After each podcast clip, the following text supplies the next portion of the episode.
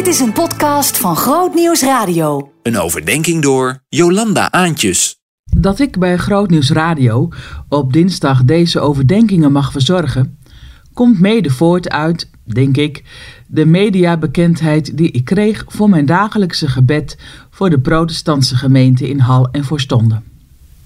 Een gebed dat iemand beleidenis wil gaan doen, of een kindje wil laten dopen, of zichzelf.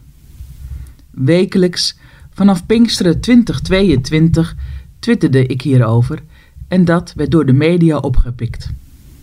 Het heeft me verbaasd dat er hier zoveel aandacht voor was. Ging dat nou om dat dagelijkse bidden? Dat zullen toch wel meer mensen doen om iets wat hen dicht op het hart zit.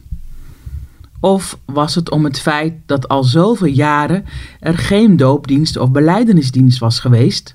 Zo van, die gemeenten zijn er dus, dat bestaat dus gewoon.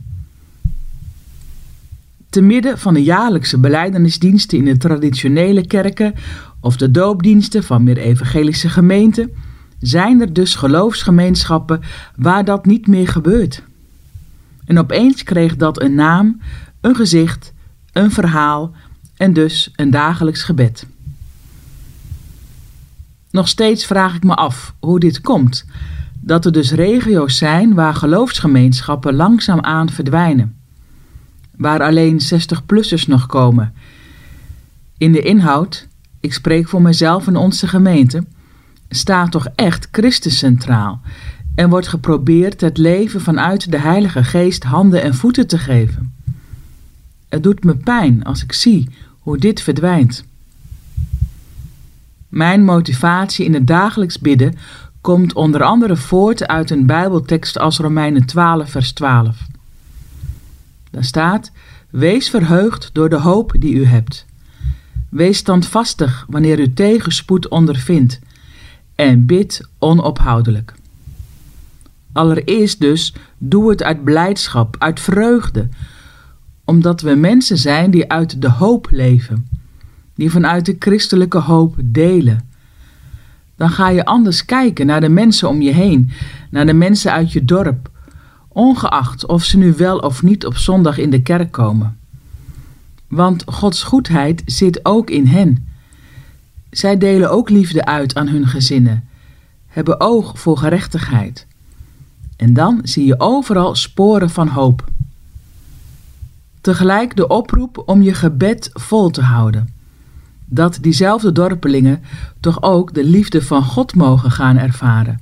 De liefde, de vergeving, de heling, de hoop, die nog een laagje dieper gaat met Christus. Dat gebed, dat mensen geloofsmensen mogen worden en zo deel uitmaken van de geloofsgemeenschap, waarbij een ja, ik geloof mag klinken en waar water over, over hoofden mag gaan, dat gebed startte bij mij met Pinksteren 2022. Het wonder gebeurde. Daarover in de volgende overdenking om kwart voor negen meer. Het wonder gebeurde. Door mijn gebed? Ik durf het niet eens goed te zeggen dat het dat is. Vooral dat God zelf bijzondere wegen gaat met mensen en dat God zelf mij heeft leren loslaten.